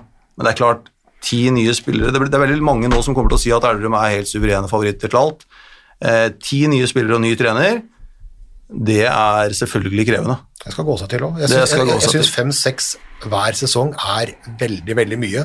Og nå dobles nesten det, tallet. Altså. Men en ting hvis du ser på det, da. Vi har pratet mye om Luca Ballot, ikke sant? for det er jo liksom den store plakaten. Men du nevnte jo eh, matet. Altså ungarsk uh, høyrebekksslegge velger altså kunne ha gått til Veszprem, velger altså Elverum. Pujol, vet ikke hvor mange valg han hadde, da. Han, gikk, han var jo i Elverum, gikk i Tyskland, var i Danmark nå sist, men kommer da tilbake. Det er bra folk, altså. Ja, men det er jo det er gode spillere. Det er klart Mate står jo da helt i starten av sin karriere, og det er klart at alle, alle blir jo skjelvende. Altså, det er, eh, altså, Veszprem er jo som Gommersbakken var når jeg spilte, ikke sant? alle sier ja til det. Nei, men, men, men det er klart, det å gå til Veszprem da i hans unge alder får skikkelig et spilleteam, men han vil jo aldri være noe førstevalg. Det å kunne legge på seg erfaring to sesonger, spille i en norsk liga, spille e-cup, og få, og få masse erfaring der, og vi, vi garantert spille, spille mesteparten av tida i alle de kampene, så er det klart at det er en investering i hans framtidige karriere som gjør at han vil stå godt rusta. Hadde han da havna bak en to-tre spillere i Veszprem, fått spille lite, så blir du glemt. Står du der og lager mål i Europacupen for Elverum, så vil du på en måte være mye lenger framme på blokka hos de fleste, hvis du viser at du kan gjøre det der. og Det er klart at det, det for han så, så tror jeg det er en, er en god investering i, i framtida, rett og slett. At han, at han velger, å, velger å ta to sesonger på Elverum istedenfor å gå til Veszprem. Det er, eh, det er eh, det er selvfølgelig en fjær i hatten, og det handler jo om, om det klubben har gjort. Det handler om at de kom seg inn i A- og B-gruppa i Champions League i fjor og var blant de, de topp 16 der, og, og, og har sånn sett et navn og greid å skape seg det. og Da, da, er det, da, da tror jeg de også er smart av mate i, det, i den alderen han er i, istedenfor da kunne gjort det lettvint, uh, flytta til Veszprem, sitte i Ungarn og snakka ungarsk med alt og alle, og, og helt sikkert kommet seg videre. Men jeg tror han gjør et større karrieresteg ved å kunne være der og få utvikle seg enda mer, enn å stå og vente og se på Tønnesen og de andre i Veszprem. Ja, så er jeg jo litt sånn spent. da. Du sier at det er ikke noe automatikk i det, Nils Christian, men øh, begynner da å lure på, for du sier det jobbes godt. Altså Jeg syns bunnen ble nådd i, i norsk ærlig. Det, det er flere sesonger siden, for det, du ser at det tas steg. Ja. Vi ligger fortsatt et, langt bak europatoppen og de store ligaene, men, men det tas steg i riktig retning sesong for sesong. og da ØIF uh, Arendal utfordrer, ikke sant. Det er andre som prøver uh, hele tida, om det er Drammen eller Kolstad eller uh, altså, det, det er flere som prøver, prøver der, men, men er det en fare nå med det som, det som skjer, da, hvis den går inn i Champions League, at Elverum blir i Rema 1000-ligaen det Vipers nå er, og det Larvik var? Altså en sånn suveren ener? Jeg tror det er vanskelig å si. Jeg syns jo det er jevnere på herresida enn enn det var på damesida i den perioden. Uh, vi, vi var jo, Mange mener at vi var helt suverene den sesongen som har vært òg, men vi var jo egentlig ikke det. Det var jo liksom uh, Det det er små marginer. Uh, og eh, overraskende små noen ganger, syns jeg, da, som ikke er eh, fra håndballfamilien i utgangspunktet. Jeg, jeg, som jeg sier til Apelgren, at det måtte være mulig å vinne noen av disse kampene litt enklere. Ja, men så, så, så har du den balansen. Altså, det, det, var jo, det var jo en ny verden også. Ja, du møtte tøffere lag, ja, du spilte flere kamper, ikke sant. Så du skulle på en måte balansere det sammen med Altså, du kommer fra en fest i Håkonshall f.eks., og så skal du, da, skal du da ned og sitte 250 stykker og se på deg i den neste kampen du skal spille. Ja, laget er mye bedre, ja, de skal vinne hver eneste gang, men samtidig så er det de mekanismene når du kommer fra det ene og skal inn i det andre, så er det klart det er ikke, det er ikke like lett hele veien. Det, så det, det, er jo det, det er jo det som jeg syns var, var, var veldig imponerende. Det har vært tøffe høster for Elverum tidligere sesonger, men nå fikk de ikke bare høsten, nå fikk de faktisk også når du kom tilbake etter mesterskapet, så hadde du fortsatt en haug med Champions League-kamper som du skulle spille, noe klubben aldri hadde gjort før. Og det var jo på en måte litt av det vi var litt betenkt på, hvordan de skulle klare å, å stå igjennom når vi snakka om det før den sesongen som begynte, begynte sist, men det løste de jo på en, på en forbilledlig måte, selvfølgelig. Klar seriemester og tok jo cupgullet, og sluttspillet fikk vi aldri testa ut, men det var jo bare den snubletråden på Jæren, da. Ja, Det var, igjen. en, eh, igjen. ja, det, det, var, det var Nærbø. Juniorgjengen til Nærbø der uh, røyk de for andre sesong på rad. Og det er, det er, men det er jo det som er deilig med dette her. Ja. At faktisk, eh, for å sitere Luca Ballon, Le Ballon eh, altså ballen er fortsatt rund. Ja, og det er jo klart at uh, vi snakker jo mye om den Nærbø-kampen. og Det blir snart nå også seiler opp som et av hovedmåla neste sesong. Drit i Champions League! Vi må slå Nærbø! Ja, nei, men det er, jo, det er jo herlig det, da. Det er jo det. Ja, men Det er fint, det, men det er mange som driver godt. Synes jeg, og det Nærbø er jo et eksempel på en klubb som driver veldig godt. Og Det er morsomt å se den entusiasmen de klarer å skape der nede. da. Ja, det er Veldig bra. Men du, som driver, ja, men du som driver litt med spillelogistikken der og ordner og styrer, altså hvor, hvordan, hvordan kommer det til å se ut eh, nå? Nå vet du jo mye om hvordan Elverum ser ut. Og, Nei, Arendal ser veldig sterke ut, syns jeg. Eh, Så jeg tror jo det blir eh, Jeg tror det blir den største utfordreren. Eh, klart Kolstad skal erstatte Aar og Nikolaisen, det er ikke gjort, eh, gjort i en håndvending. Selv om jeg syns de har en bred de, har ganske bred stall etter hvert. Drammen har jo Sørheim ute antagelig til eh, godt utpå høsten, så selv om de har fått inn Sindrao, så, så vet jeg ikke helt hvordan de økonomiske utfordringene der påvirker klubben sånn sett, men men jeg tenker vel at det er Arendal har en veldig veldig brei stall. og Arendal da slapp den nyheten om Herman Ekstad sånn cirka samtidig med Avalon. Så, Ja. så det, det, var, det var dårlig. Timingen var ikke Samme like dag. god samme dag Det er vel det vi kaller touché. Ja. Eh, Det er vel eh, Det er vel en rett i bringa. Ja. Ja, men jeg syns jo det er et veldig øh, Hvorfor si det, da? Selv om ikke de to spillerne kan sammenlignes, så er det jo et veldig godt valg og godt langsiktig valg av Arendal å hente, hente han. Så, så det er liksom Det er to ulike kategorier, og, og det er jo det er jo en kamp om de største talentene i Norge, og der har Arendal vært flinke til å sikre seg mange av dem på, på lange kontrakter. Så det blir spennende å se om de får den utviklinga på dem som, øh, som de håper på. Men det var jo litt bråk. Ny trener, landslag, Ja, klubb. det var det. Eh, hvordan eh, var dere egentlig i den, eh, i den biten der? Altså Børge Lund skal han trene begge deler, eller alle var mot, og så var det vel noen som tilbød samme mann en kontrakt og kunne gjøre begge deler, så det, var- det er mye greier. Ja, mye greier, og vi satt jo og heia litt på de andre laga, egentlig. Uh, vi ønska jo i utgangspunktet ikke at han skulle trene landslaget, sånn sett. Det var i hvert fall utgangspunktet vårt.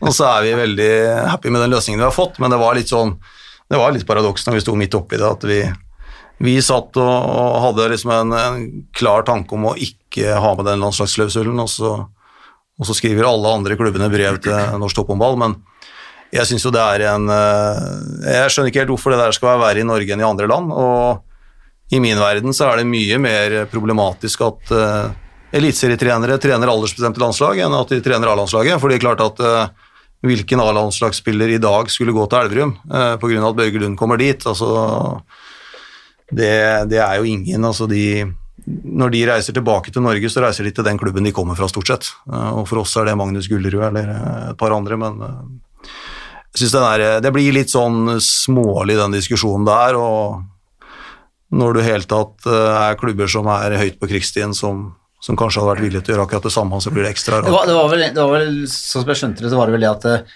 hvis det, for en spiller, hvis det sto mellom Elverum og en annen klubb, så var det der at landslagstreneren var i Elverum, at det er det som ofte kan bikke.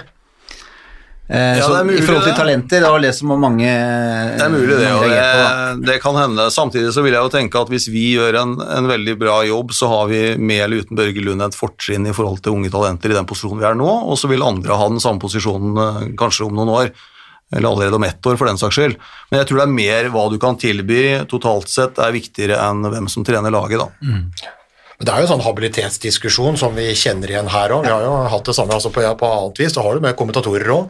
Ja, kan, ja, ja. Bent- kan Bent Svele eh, kommentere sin datter Mia i Storhamar? Og vil han da være, ikke sant? Altså det er jo sånn, Vi har jo hatt en diskusjon internt hos oss òg. Det er jo ikke noe tvil om at det hadde vært mye bedre om, eh, for alle om Børge Lund bare Ikke for alle, Uh, for ikke nødvendigvis for landslaget og, og Norge, uh, og det er vel kanskje det viktigste. Men for Elverum og sånn så hadde det jo vært eh, bedre, og for omdømmet hadde det vært bedre om Børge Lund bare hadde trent eh, Elverum, for da hadde du ikke stilt noen spørsmål eh, ved det. Og jeg skjønner jo på en måte spørsmålene fra de andre klubbene, at de mener at da Elverum kan få en urettmessig fordel eh, ved at en assisterende landslagssjef er i Elverum, med tanke på da spillelogistikk og alt mulig annet. Det eneste problemet de som klagde nå har, er at de tar opp det temaet når Børge Lund blir Elverum-trener. De var helt stille da han trente Bodø. Ja, ja. Og, og, og skal, du, skal du ri et prinsipp, så må du ta et prinsipp uansett hvor i næringskjeden folk er. Ja, det er Fordi det problemet var jo prinsipielt like stort da han var i Bodø. Ikke sant? Og Ja, ja. Da var det ingen som klagde, fordi at Bodø var ikke å regne med, men når han går da til toppklubben, så begynner alle de andre å klage, for da mener de at toppklubben får en fordel til. Altså, men, men, men prinsipielt så var det jo like, like i gåseøynene ille da, at Børge Lund var assistenten til Berge og trente Bodø. Og så ble jeg sånn usikker på hva er fordelen av. Si at Ole hadde gått som planlagt i Tokyo. da. Vi skifter ti spillere, og så skal vi ikke ha med treneren i oppkjøringa. Altså, altså, Hvilken fordel er det for Elverum? da? Altså, Ulempene ved å ha den type avtale er jo mye mye større sånn jeg ser det, enn en fordelene. Ja, så syns jeg du har et godt poeng i stad, for det, det, er jo, det er jo mye lettere for en yngre landslagstrener å kunne ta noen spillere til side og prate og høre her, du, det ser sånn og sånn fint ut, ikke sant? Det hadde vært veldig greit hvis du du burde kanskje, eller en klubb henvender seg hvor de vet at eh, en, en landslagstrener er, så, så, så vil også det være en mulighet og, og lettere å kunne påvirke yngre spillere, fordi at det er jo ikke på det nivået som Elverum nå er, og som de ønsker å konkurrere på, så er det ikke, det er ikke mange Alexander Blond som kommer inn som 18-19-åring og som kan, kan være med å prestere på det nivået der. Så mange av dem er ikke i norsk håndball. Nei, det er ikke det. Og som jeg sa til en, eh, sa til en i norsk toppfotball når det var litt sånn støy rundt det, at uh, lurte på om han hadde fått med seg at vi skulle ha Christian Berge som assistent. Eh, og da, da ble det helt stille i andre. Det er jo et eller annet da, hvis du da ser på hvis du da, Det er kanskje ikke så lett hvis du sitter da i, i, i eh, de elleve andre klubbene nødvendigvis. Nå blir det vel tolv òg, for det blir vel en 13-serie. Men eh, det var, det var jo sånn diskusjonen var. da, men hvis du, hvis, du ser på, hvis, du ser på, hvis du ser på Norge, da, så vil det jo være en fordel i den sesongen du skulle gå inn i, at det trenerteamet som da har løfta håndballgutta, eh, har den kontinuiteten, at vi ikke bryter opp det. For for norsk håndball så er det viktig. Og det Norge gjør, det er faktisk viktig om du er i Halden eller Arendal eller uh, i Charlottenlund. Det er viktig. Og så er det jo på en måte viktig for norsk håndball det Elverum gjør nå. Altså om de, eh, om de markerer seg i Europa og kommer inn i Europacupen. Det, det, det er ikke bra bare for Elverum. Eh, Det er bra faktisk for, for flere, selv om da andre kan være redd for at gapet blir sånn Rosenborg-aktig. Eh, Så vil det jo være en fordel for norsk håndball, i hvert fall sånn som, sånn som jeg ser det. Og så skjønner jeg på en måte at da noen klubbledere reagerer på det, men skal du være prinsipielt, så må du være det alle årene, uansett forhold. Du kan ikke bare komme på en prinsipiell innvending idet den største konkurrenten din er ute og fisler. Det roa seg veldig fort. Og. Ja, altså, og så vil det jo være sånn at hvis de greier å komme inn i Champions League, hvis de gjør ålreit i Champions League, så kanskje Norge ender opp med en fast plass i Champions League, og det betyr jo for de andre lagene som da er i ligaen, om de vinner sluttspillet til våren igjen, eller om de vinner om, om, om to år eller om tre år, så vil også det være en mulighet for dem til å kunne komme inn i det gode selskapet, at ikke de må starte helt med blanke ark, fordi vi har hatt et lag inne der. Så, så det, er, det, det, går liksom i hverandre ganske, ganske mye av det greiene der, Ja, det er er det et kjempepoeng, fordi at hvis, eh, hvis vi ikke hadde vunnet serien i år, så hadde det ikke vært noen diskusjon om det skulle være et norsk lag i Champions League eller ikke. Det hadde ikke vært noe tema. Da hadde ikke Norge vært aktuelle til plass i det hele tatt. Nei, hadde, hadde, hadde Drammen, som jo var favoritt før sesongen starta, om ikke på sluttspillet som på gullet, eller ØIF Arendal vunnet sluttspillet det hadde blitt spilt, så hadde jo ikke de vært aktuelle for Champions League. Men hvor, hvor sårbare er dere egentlig da i forhold til eh, det å måtte vinne serien for å få muligheten til å spille Champions League? For hvis, hvis dere ikke hadde vunnet nå, så hadde dere ikke vært aktuelle for uh, Europe League engang. Nei, jeg- kunne kanskje søkt oppgradering til Europe League, Ja. kanskje. Det er jo litt sånn Da hadde du altså- kanskje kommet ned på nivå tre, da, ikke sant? Det kan jo hende for disse wildcardene har jo, kunne jo på et eller annet tidspunkt slått inn positivt for oss også, eh, i andre sammenhenger, men jeg tror at det er veldig sårbart, Ja. og det tror jeg vi prøver å si til oss sjøl hver eneste dag. Det, er, eh, det begynner å bli stor butikk, eh, og, og det er klart at eh, du er avhengig av å vinne. Nå budsjetterer ikke vi med Champions League, det har vi vært bevisste på nå i seks sesonger, fordi at vi mener at det skal være en bonus. Vi skal ha, det skal gå rundt uten det. Men det er klart, begynner du å bli nummer tre-fire, så ser du det på så ser du det på tallene med en gang. Og vi satte oss jo ett mål når vi i 2015 kom inn og hadde fem millioner i minus. Og det var at eh, det er én ting som kan rette opp denne skuta her, og det er at vi er Norges beste håndballag. Det å tro at du skal drive nøkternt på, på femte, sjette, sjuendeplass i serien og, og ta inn en fem millioner i minus, det kan du bare glemme. Da kommer det 800 i terningen i stedet for 1800, og det er forskjellen på å Og vi hadde ikke fått det europacup-eventyret som har vært med å rette opp økonomien, og som har gjort at vi har gått fra fem millioner i minus til, til fem millioner på bok på, på de fem, fem regnskapsårene.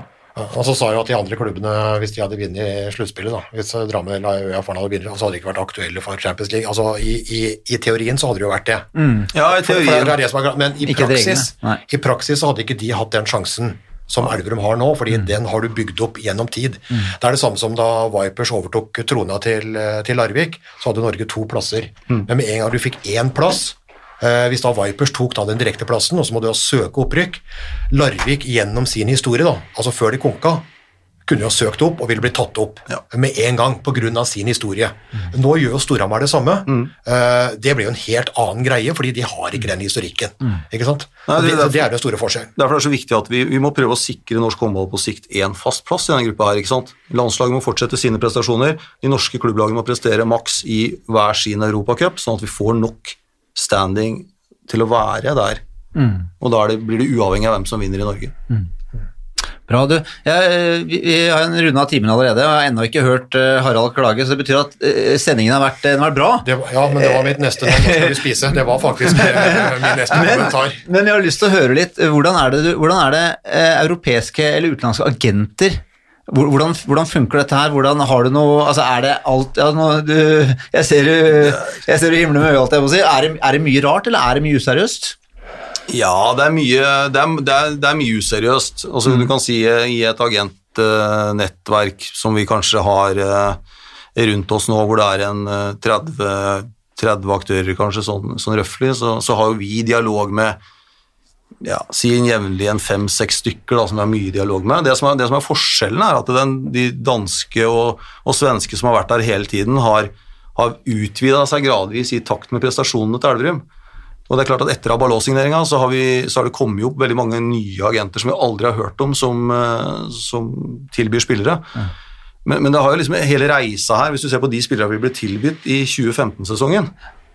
Det var sånn eh, Jeg pleier å si Slatko Slikovic, eh, 36, eh, fra Metallurg, liksom. Det har vært tredjevalg i Metallurg. Det var det som kom da, og nå har vi på en måte eh, med Abalå-signeringen sett, sett helt andre ytterkanten av det. da.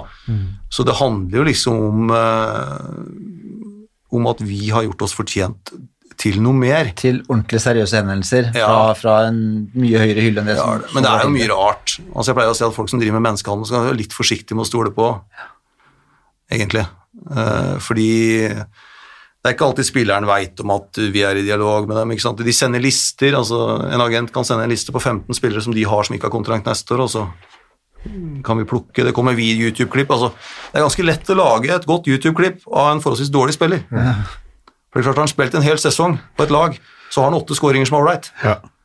Så liksom det der med å referansesjekke, det der med å kvalitetssikre, det, det, er, det er viktig. Men jeg hørte også, jeg snakka med Mats, vet du. Eh, Ja. Prøvde å fiske litt etter Ja. noe juice, og så sa han at eh, bare spør, eh, spør hvordan eh, dette med Rutenka Ja, Det må du Altså gode gamle Rutenka, som da har vært innom eh, Han er vel egentlig er han, eh, hvilket, eh, Han har vært innom Det er Hviterussland han egentlig er fra. Hviterussland ja. Men han har vært, fra, vært innom noen andre nasjoner. Har Vært innom Slovenia. Slovenia og Spania. Spania, Spania.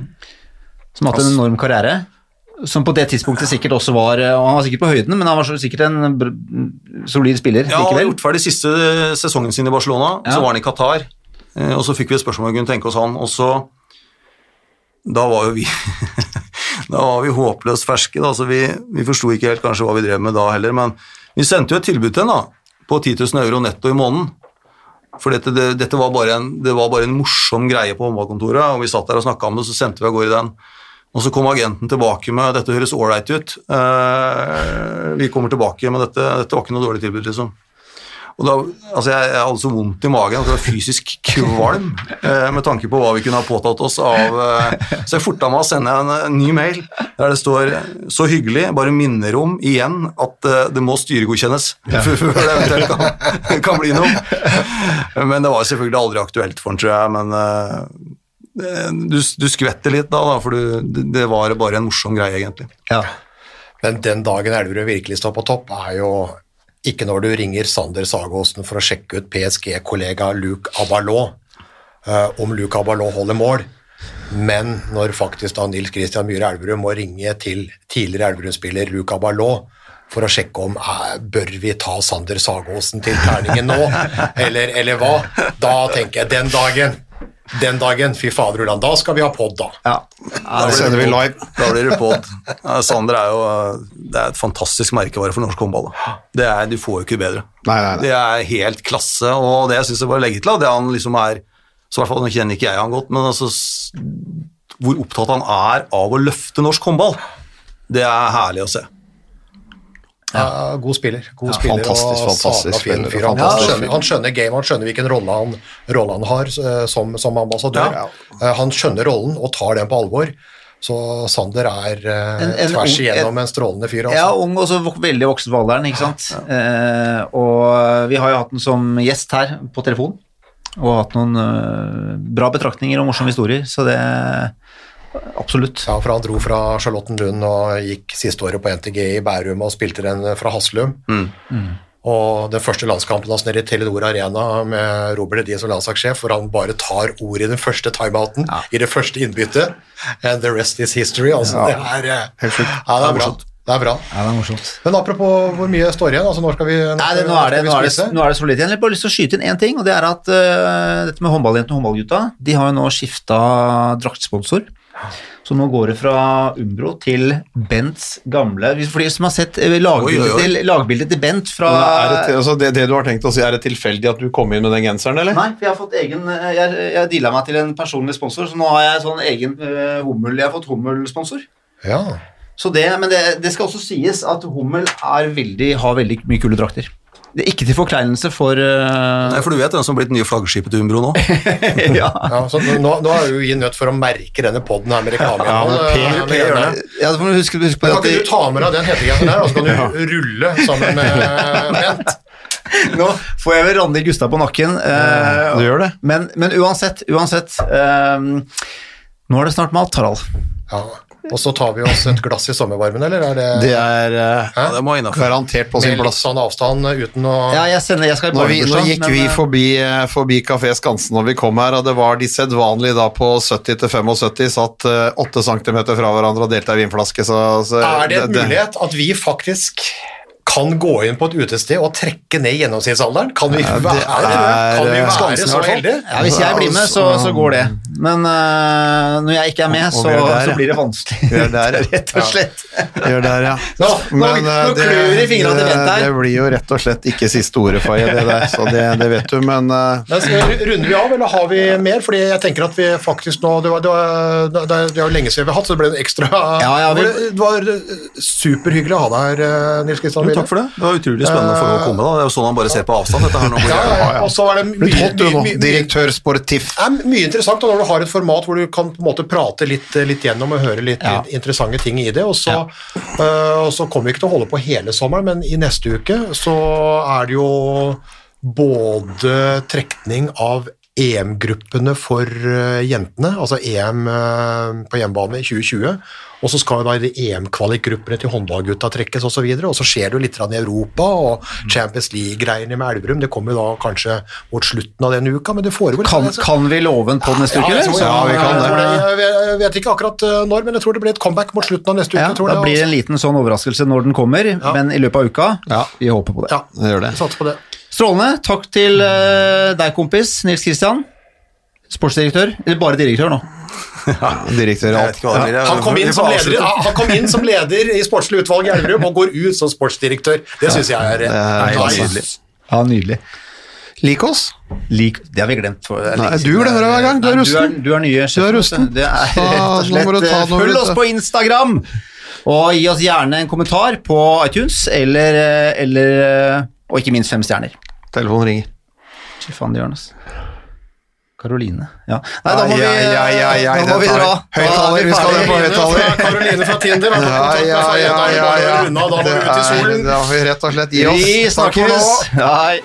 Oi, oi, oi, oi, oi. Det er råsterkt. Så henger han det siste lille, og så drar han til. Oi, oi, oi, for en kanon. Han redder! Torbjørn Bergerud redder! Er det håndballhistorie? Moderne media.